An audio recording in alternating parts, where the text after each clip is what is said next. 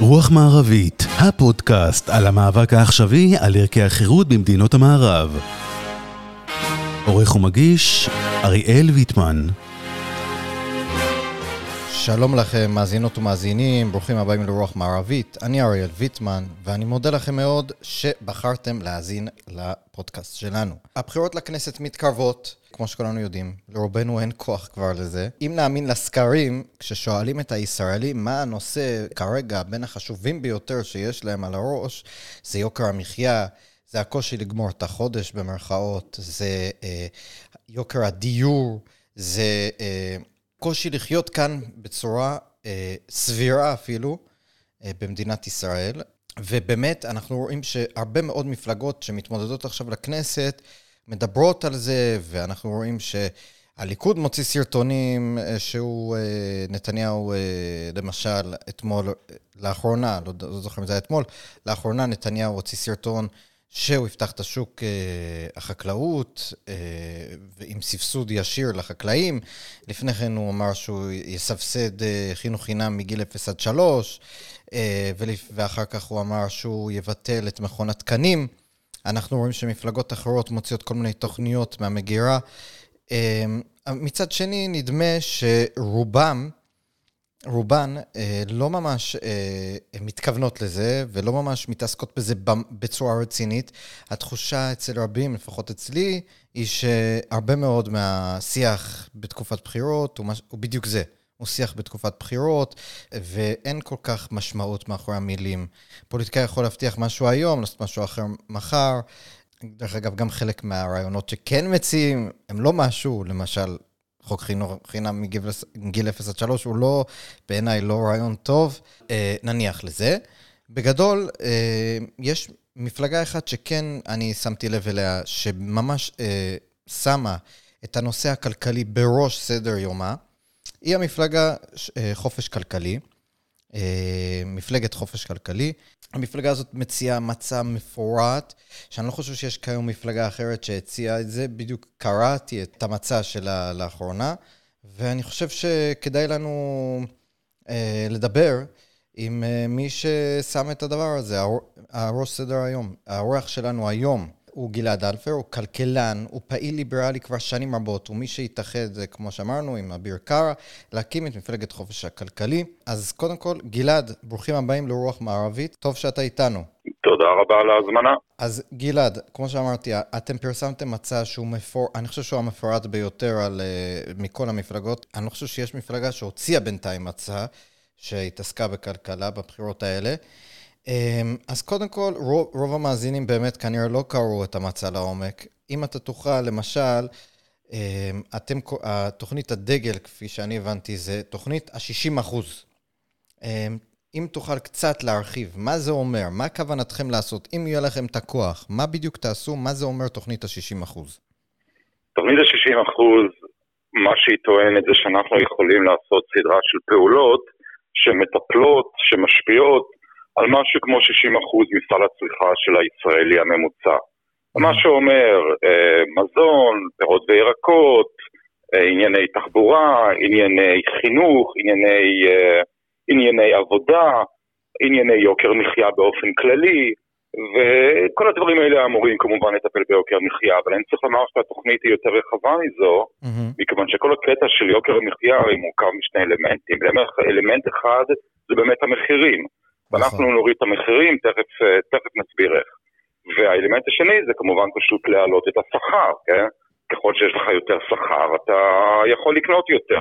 אז אפשר נכון. להגיד שגם זה משפיע על יוקר המחיה. וגם את זה אנחנו יכולים לעשות דרך הפעולות שאנחנו רוצים לעשות במצע שלנו.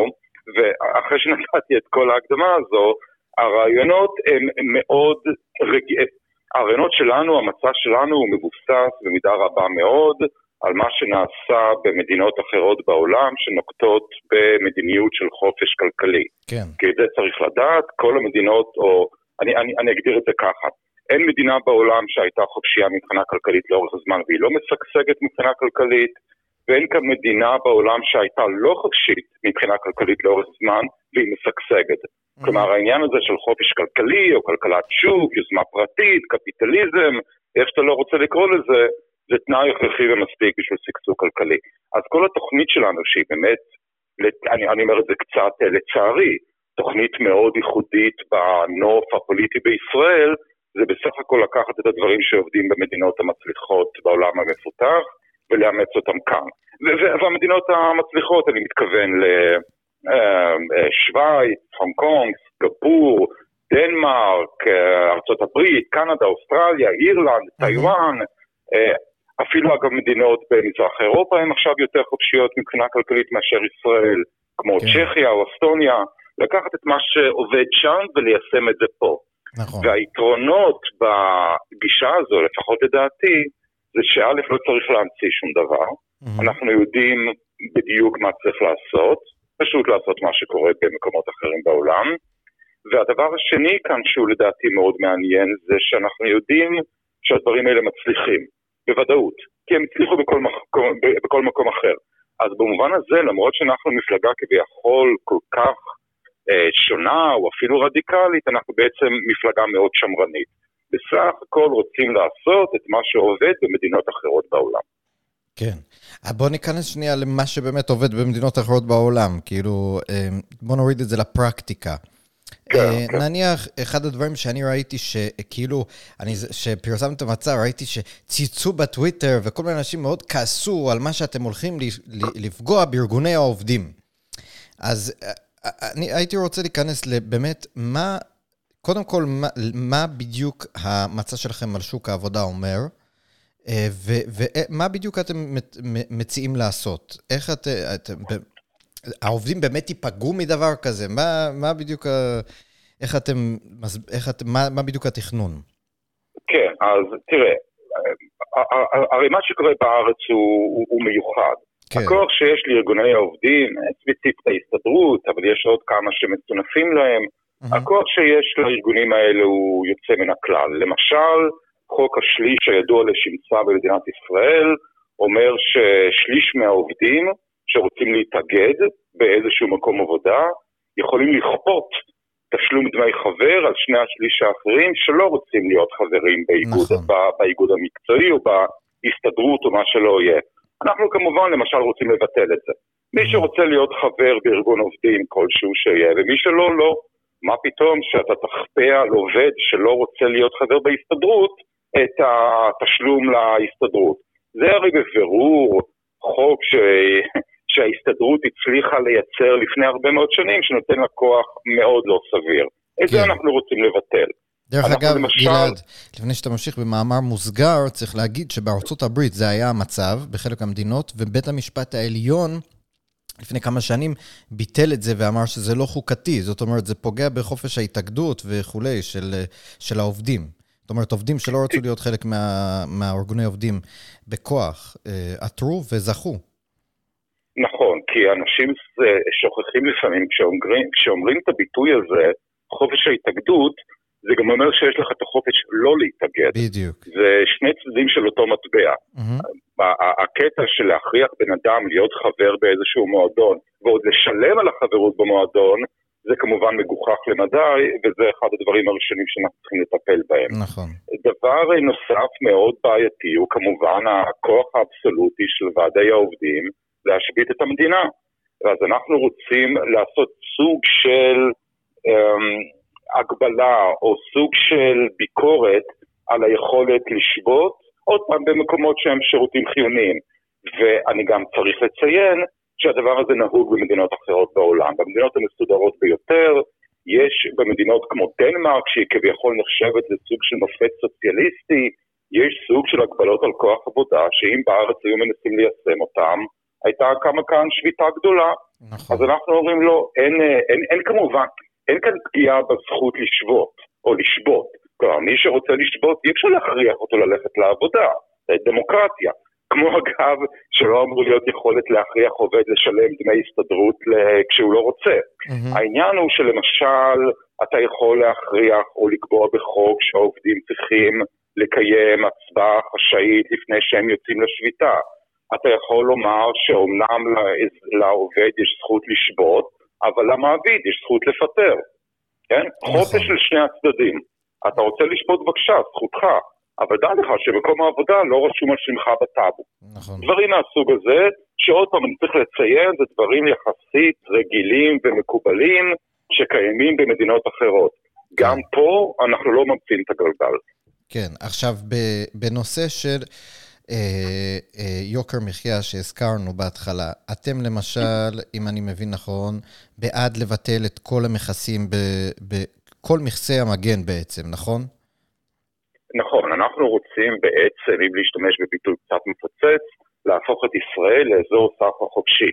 כן. שמסחר, יבוא וייצוא יהיו חופשיים מהגבלות, ממכסים, ממכסות, מכל מיני תקנות מגוחכות שכיום פוגעים מאוד ב... ברמת החיים שלנו וגם באיכות החיים שלנו. Mm-hmm. כי אנשים, הרי בגלל שמדינת ישראל מגבילה יבוא של הרבה פירות, ובגלל שהשוק עצמו הוא מנוהל על ידי המדינה כאילו איזו מועצה בולשביקית משנות ה-30 של המאה ה-20 בברית המועצות, כן. הנזק הוא לא רק שהמחירים הם מאוד גבוהים, הנזק הוא גם שהמגוון הוא מאוד ירוד. נכון. ויש חוסרים, והאיכות נמוכה של הפירות והירקות בארץ, חלקם לפחות. וזה פוגע ממש בבריאות של אזרחי ישראל. Mm-hmm. בשנים האחרונות מדינת ישראל היא בין המדינות היחידות בעולם המפותח שצריכת הפירות והירקות בה נמצאת בירידה. עכשיו, אני לא יכול להגיד בוודאות למה היא נמצאת בירידה, אבל אני חושב שהסבר יחסית סביר זה שבגלל שהמחירים מאוד גבוהים והאיכות עלובה.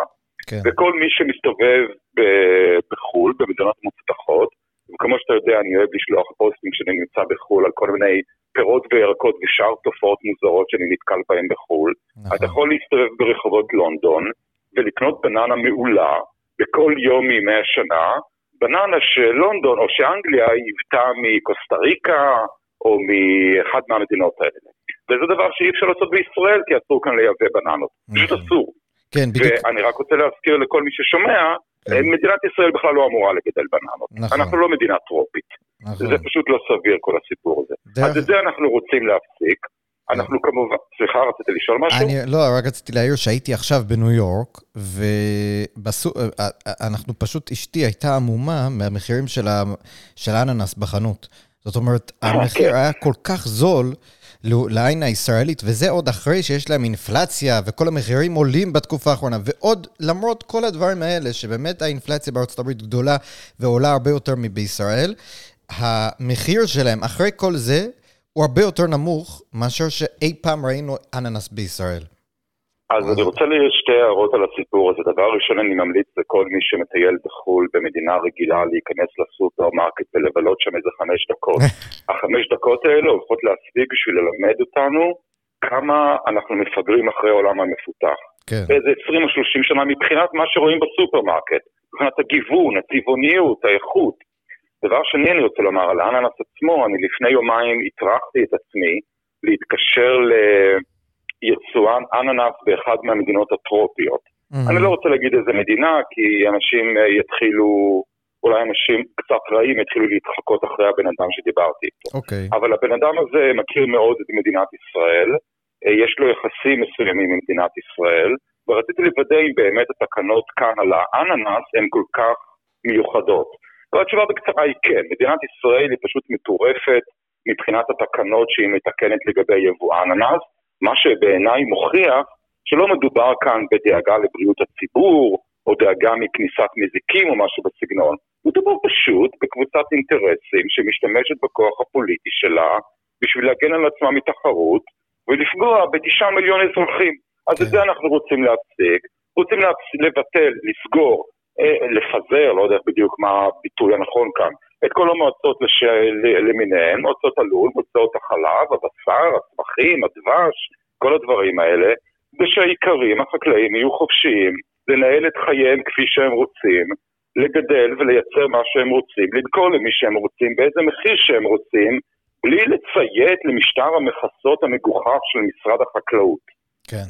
והדבר הזה, בוודאות, גם ישפר את האיכות של המוצרים, גם יוריד את המחיר וגם יעזור לחקלאים יזמיים, כישרוניים, צעירים, מוצלחים, שכיום נדפקים על ידי השיטה, אה, ביחד עם כל התשעה מיליון.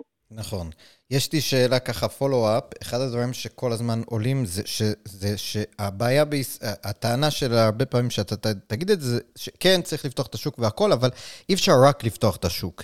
יש בישראל בעיית ריכוזיות מאוד גדולה ו, וכולי. איך אתה מתייחס לדבר הזה? זאת אומרת, אומרים, יש פה מספר אה, יבואנים מאוד קטן, הסופרים, אה, אתה יודע, שופרסל ועוד איזה שתיים, שלוש שולטות בכל, התח... בכל השוק, וגם ככה...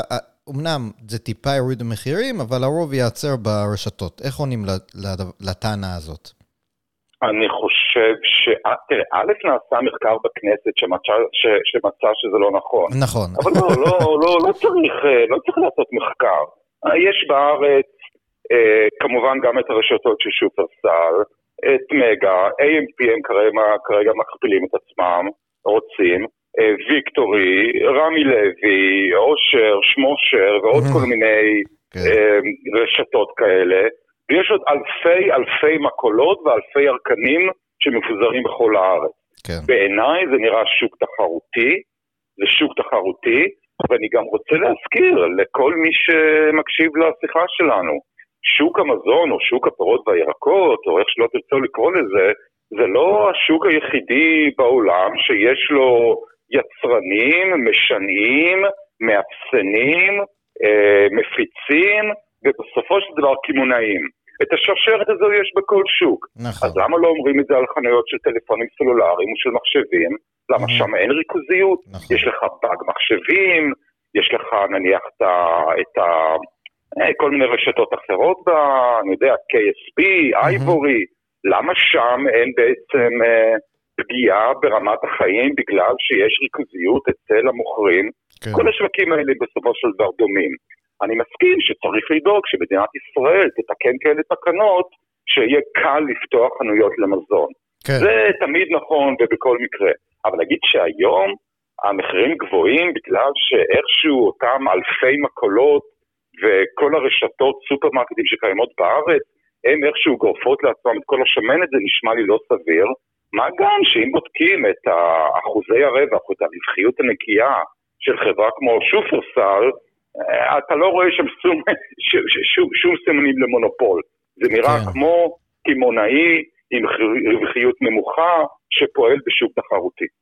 אני רוצה לשאול שאלה אה, בתחום הדיור. אה, האם אתה תפ... אם תוכל לפרט לנו קצת על מה אתם מציעים לעשות בתחום של הדיור. יש לנו משבר דיור כבר, אה, ככה, המחירים לא מפסיקים לעלות.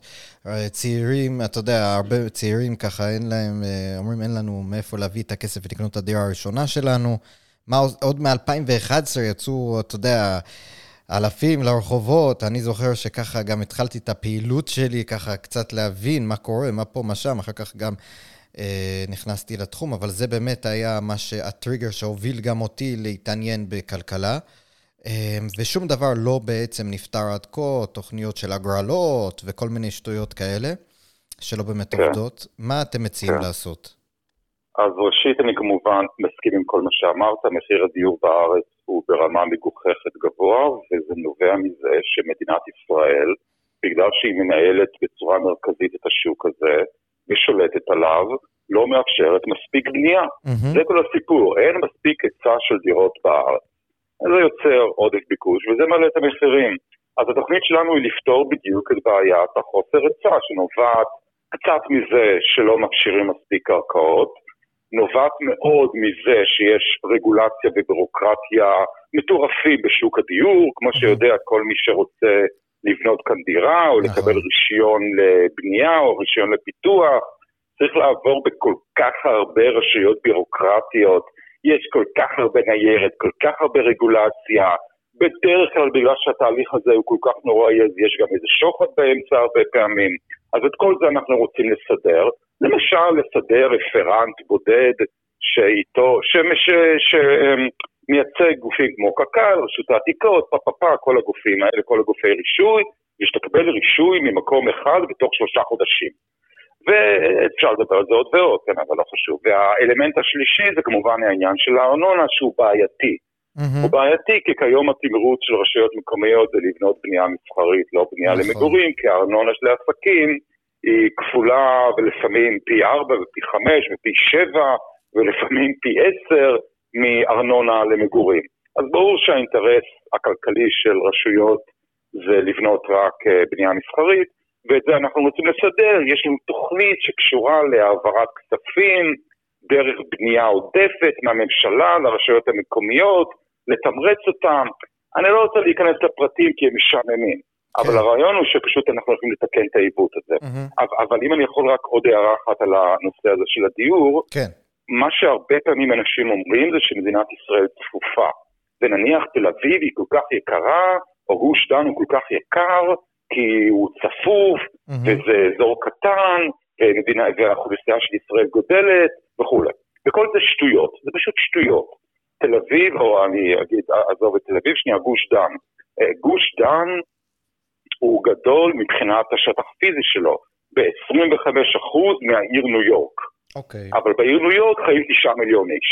נכון. כלומר, תיאורטית, אם נבנה את, את גוש דן באותה צפיפות שקיימת בעיר ניו יורק, שהיא בין הערים הנחשקות ביותר בעולם, ונעשה את זה גם לגוש דן, נוכל להכניס את כל אוכלוסיית מדינת ישראל לתוך גוש דן, ועוד יישאר עודף. אני לא אומר שצריך לעשות את זה, כלומר, לא לדחוס אנשים כן. שלא רוצים, כן, לגור בכזה, בנוף אורבני. כי יש אנשים שמעדיפים לחיות מחוץ לנוף האורבני, ואני אפילו מבין אותם. אני רק אומר, לא למנוע את זה, לא למנוע את האופציות, לא כן. למנוע בנייה צפופה ולגובה באזור גוש דן. ואגב, רואים את הטעות הזו גם עכשיו בפרויקטי בינוי-בינוי וכל התמ"א 38 האלה, שכאילו הורסים בתים של שניים שלוש קומות ומחליפים אותם בבניינים עם חמש שבע קומות. מה, למה לא להחליף אותם בבניינים עם ארבעים קומות? הרי במילא עוד עשר שנים אתה, נכון. אתה, או עשרים שנה, תהרוס את הבניינים של השמונה קומות ואז תבנה בניין עם עשרים קומות. אז תבנה עכשיו בניין עם ארבעים קומות. ואז כמובן הבעיה היא תשתית, כן? אין, אין, אין הרי תשתית לכזו בנייה צפופה. Mm-hmm. אני מדבר על תשתית חשמל, ביוב, מים, גז. נכון. אז את התשתית בונים, פשוט נכון. בונים. זה כאילו, כן. אני, אני, אני, אני מקווה שזה לא נשמע מטופש מה שאני אומר, לא, לא. אבל אם אין תשתית, בונים. בכל כן. מקום בעולם שבו בונים בנייה צפופה, בונים גם תשתית. אז גם מדינת ישראל יכולה לבנות תשתית. כן. אני רוצה לשאול אה, בנושא ככה, שנושא אה, של ה...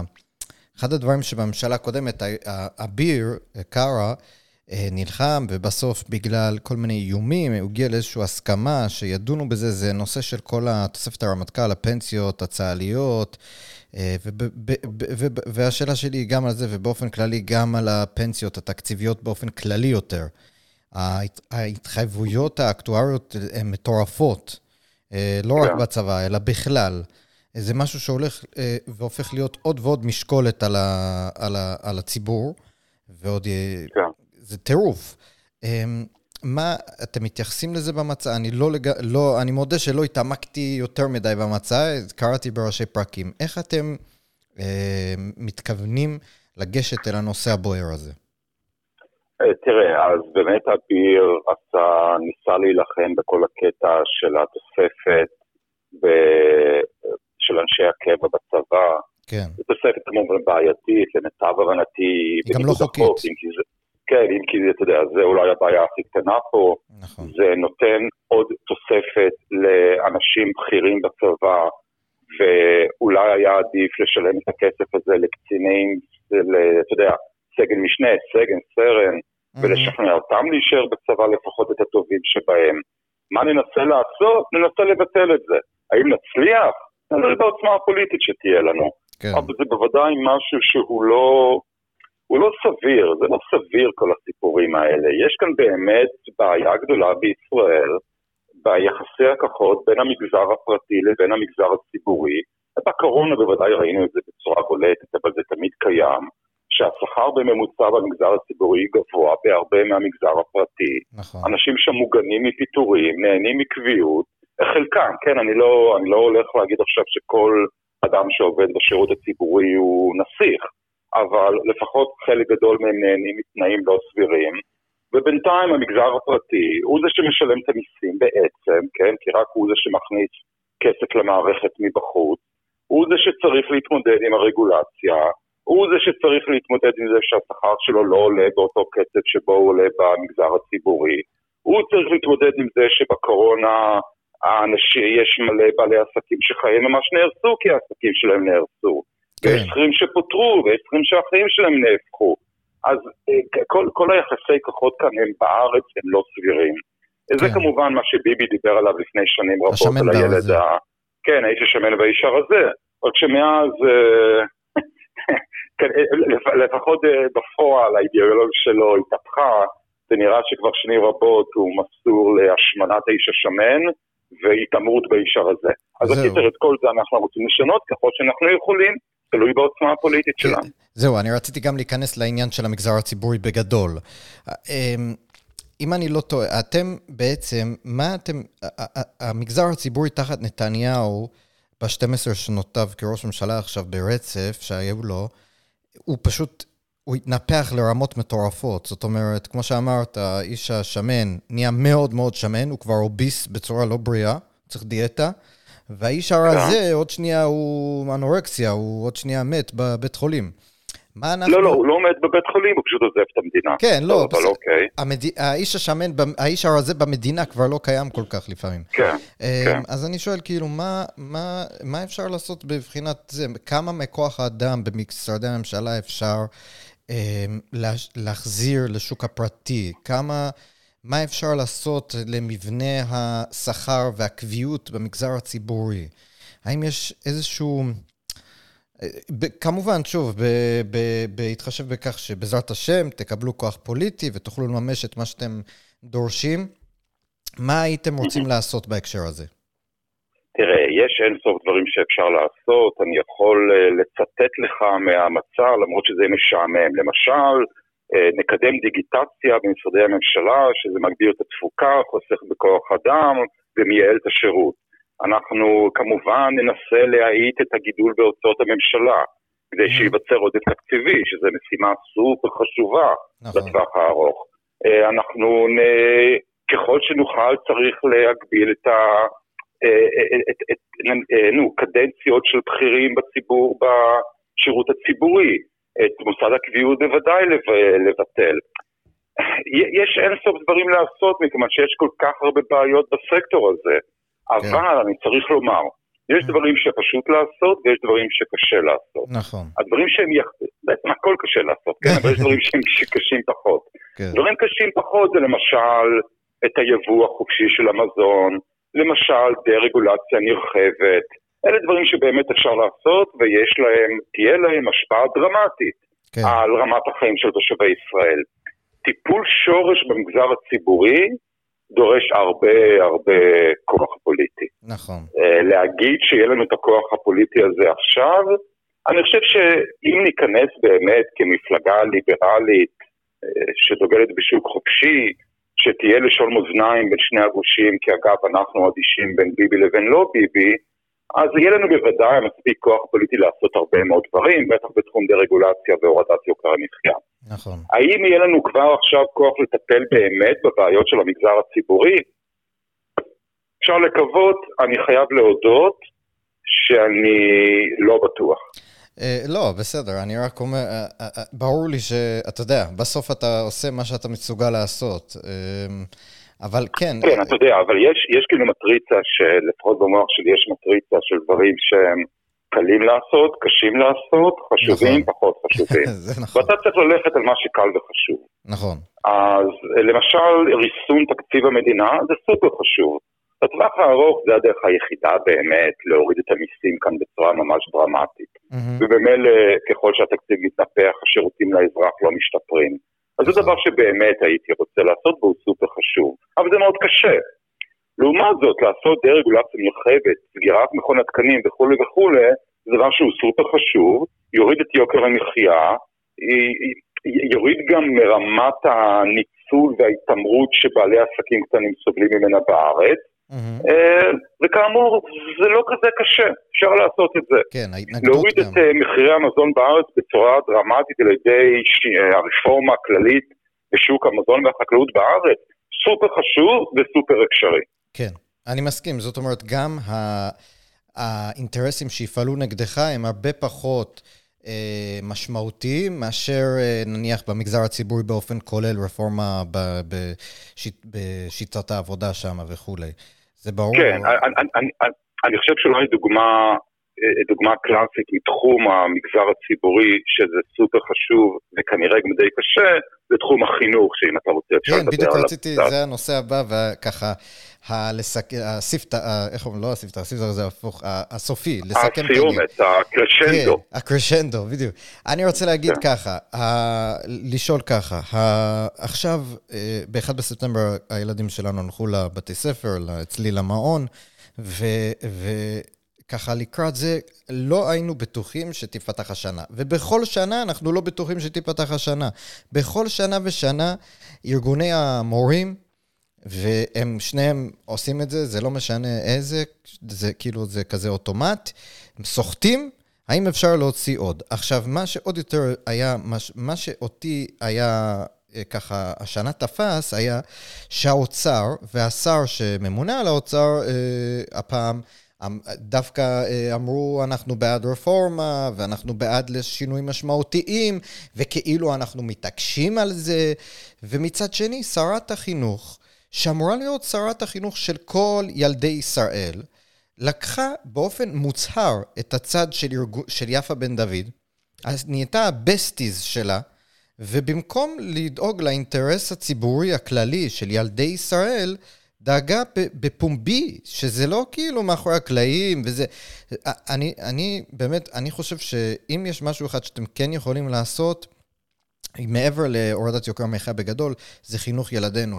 אני קראתי את המצע שלכם, אתם בהקשר הזה צודקים ב-200% בכל מה שאתם מציעים, כן? אבל אני חושב שבעצם העובדה שאתם מציעים להיות בצד של הילדים ולא בצד של הארגונים החזקים האלה, יש בזה משהו אה, מרענן, מה שנקרא. אה, אבל כן, אני אשמח לשמוע מה אתם מתכוונים לעשות, אם במידה ותקבלו כוח מהציבור. כן, אני אתחיל רק להגיד שאתה צודק, ששרת החינוך בסופו של דבר הפכה להיות לוביסטית של בדיוק. ארגוני המורים. בדיוק אגב, כמו ששר הביטחון הוא לוביסט של אנשי הקבע, כמו ששר הבריאות עסוק בלחזק את הפקידות הבריאותית ולא דואג לכלל אזרחי ישראל, וכמו שבדרך כלל שר החקלאות הוא לוביסט של החקלאים, אם כי אני חייב לציין ששר החקלאות הנוכחי הוא ממש הפתיע לטובה. כן. אבל כן, אתה צודק שבגדול שרים הם פועלים כלוביסטים ל... ל... לעובדים, למגזר הציבורי שהמשרד שלהם מייצג. אבל לענות לשאלה שלך בצורה ישירה, אנחנו בגדול מציעים לעשות דברים, לדעתי, שהם מאוד מאוד הגיוניים, כמו לתת יותר אוטונומיה ניהולית למנהלים, כמו לתת אפשרות לתגמל מורים טובים וכולי, אבל אני מעדיף להתייחס לכל הפתרון שלנו תחת הכותרת של שיטת השוברים. כן. כי זה באמת הפתרון, לא רוצה לקרוא לזה הפתרון האולטימטיבי, אבל זה באמת סוג של פתרון שמאגד את כל הדברים הטובים שאפשר לעשות במערכת החינוך תחת כותרת אחת. וכשאגב, כשהיו באוגוסט הסיפורים עם ארגוני המורים, אז כתבתי פוסט שאמרתי, בואו, תפסיקו פשוט להתווכח איתם, אל תדברו יותר על ארגוני המורים, אל תענו לטלפונים של יפה בן דוד, ובמקום זה חלקו אלפיים רישיונות לבתי ספר בשיטת השוברים בארץ, ונפתרה הבעיה. כן. כי יזמים ועמותות יפתחו בתי ספר כאלה כמו פטריות אחרי הגשם. והכוח של ארגוני המורים באותו רגע ייעלם, ובאותו רגע התלמידים וההורים שלהם יחזרו להיות הלקוחות של המערכת הזו, כאשר כיום, כמו שבעצם ציינת, המונופול החינוך הממשלתי הלקוחות האמיתיים שלו זה המורים. אני, אני, אני אסביר בשני משפטים מה זה שיטת השוברים, כי נדמה לי שלא כולם יודעים, אז אולי כן. כדאי קצת uh, להסביר את העניין. שיטת השוברים זה שיטה שבה לוקחים את תקציב החינוך, זה, זה שילוב של חינוך פרטי ומימון ציבורי. Mm-hmm. כלומר, לוקחים את תקציב החינוך, מחלקים אותו במספר תלמידי ישראל, נניח יוצא משהו כמו 30 אלף שקל לתלמיד, ואז אומרים לבתי ספר, בואו תפתחו בתי ספר, ותפקיד הבתי, הבית ספר, בשיטת שוברים, לשכנע הורים לשלוח דווקא את הילדים לאותו בית ספר. למשל, הבית ספר יכול לומר, בואו אליי, יש לי כאן מורה למתמטיקה, שיש לו הישגים שלא יאמנו בלהעביר מתמטיקה, הוא פיתח שיטות לימוד חדשות, כן. אה, בואו שלחו את ילדיכם אליי. או בואו אליי, יש לי את... אה, רב מאוד ידוע שהוא מלמד תנ"ך בצורה ממש מעוררת הערכה, mm-hmm. אז אם אתם רוצים שילדיכם ילמדו תורה ותנ"ך בצורה לא משעממת ויהיו קשורים עדיין למסורת ישראל, בואו שלחו את ילדיכם אליי. ואז נניח שאיזשהו בית ספר בשעות השוברים מצליח לשכנע 100 ילדים להגיע אליו, או 100 זוגות הורים לשלוח את הילדים שלהם לאותו בית ספר. יום אחרי זה הבית ספר מרים טלפון למשרד החינוך, היי, הצלחתי לשכנע 100 תלמידים לבוא אליי, ומשרד החינוך, או משרד האוצר ליתר דיוק, מעביר אליו שובר אחד כפול 100. כלומר ההכנסה של בית הספר תלויה במספר הילדים שהוא מצליח לגייס. מה שאומר שבניגוד לשיטה הקיימת שבה בית ספר הוא מונופול והתלמידים מגיעים אליו בין אם הם רוצים ובין אם הם לא רוצים ולכן לא מעניין בכלל את הבית ספר מה רמת הלימוד בו, פה יש לך בתי ספר שחייבים להיות טובים. כן. שחייבים כאילו להיות אטרקטיביים להורים של הילדים. כי אם לא, לא יגיעו ילדים. וייווצר גם תחרות בין בתי הספר. כן. וזה מהפכה אמיתית. כן. אני, אני כתבתי על זה מזמן כמה וכמה כתבות ומאמרים בנושא. אמ, העניין שזה מאוד מאוד קשה מבחינת האינטרסים, וגם משרד הבריאות פה כל כך מנופח מבחינת המנגנון הפקידותי שלו, שה... תראה, כן. תראה, הרי, הרי החלום שלי הוא, הרי את הבתי הספר בשנת השוברים, כמו שאני לפחות מדמיין שזה יקרה, זה יתחיל לאט. נניח ייתנו 20 רישיונות באיזה שנה. כן. יגיע איזשהו שר חינוך ליברל, יהיה לו ראש ממשלה שמגבה אותו, ואז הוא נותן 20 רישיונות לבתי ספר לשוברים, לפחות על פי מה שאני חושב, 20 בתי הספר האלה הולכים להיות הצלחה מסחררת, יהיה להם רשימות המתנה ארוכות מאוד, ולכן שנה אחרי זה נותנים עוד 50 רישיונות. וככה לאט לאט המערכת של שטרת השוברים גודלת במקביל למערכת הציבורית, שלאט לאט מאבדת תלמידים, כי הרי הרמה שלה מאוד נמוכה, ואז נניח עשר שנים מהיום, המערכת הציבורית הופכת להיות לצל חיוור של מה שהייתה פעם, ורוב ילדי ישראל, רובם הגדול, מתחנך בשנת השוברים, ועם הזמן פשוט לא צריך יותר את המערכת הציבורית, ומשרד החינוך לכל היותר הופך לאיזשהו גוף של רגולציה שרק מקפיד שבבתי הספר בשנת השוברים מלמדים כן. גם אה, אה, חשבון, אנגלית, קרוא וכתוב, נכון. אותם לימודי ליבה שכולנו כל כך רוצים שכולם ילמדו. וכמובן שהאמת בכלל לא צריך לקחת משרד החינוך באותו שלב, אבל בואו לא נהיה יותר מדי קיצוניים. בסדר גמור, אני מסכים כמובן עם הדבר הזה. אמ, אז גלעד, קודם כל אני רוצה להגיד לכם שהרעיונות שלכם וה... אה, והעובדה שאתם הבודדים במערכה בהקשר הזה הוא, קודם מצד אחד מעודד שיש אתכם, מצד שני זה קצת מבאס, כמו שאמרת, אלה דברים שממש במיינסטרים של המון מדינות מערביות היום, וזה פשוט חבל שזה לא נמצא כאן. אה, גם ימין וגם שמאל, שמאל ברור, אבל גם ימין לא נמצא שם בכלל. אה, וזה פשוט חבל ועצוב, אבל אני באמת מגיע לרעיונות האלה לקבל ייצוג. אז אני מודה לך מאוד שהיית איתנו, היה מרתק. מודה למאזינים שהיו איתנו גם, אני אריאל ויטמן. תודה ליניב בנימיני ש... שהפיק וערך אותנו. אה, ו... וזהו, תודה לכם. תמצאו אותנו בפוטיפיי, באפל פודקאסט, בגוגל פודקאסט, כל הרשתות החברתיות. זהו, תודה. תודה רבה, תודה רבה. רוח מערבית, הפודקאסט על המאבק העכשווי על ערכי החירות במדינות המערב. עורך ומגיש, אריאל ויטמן.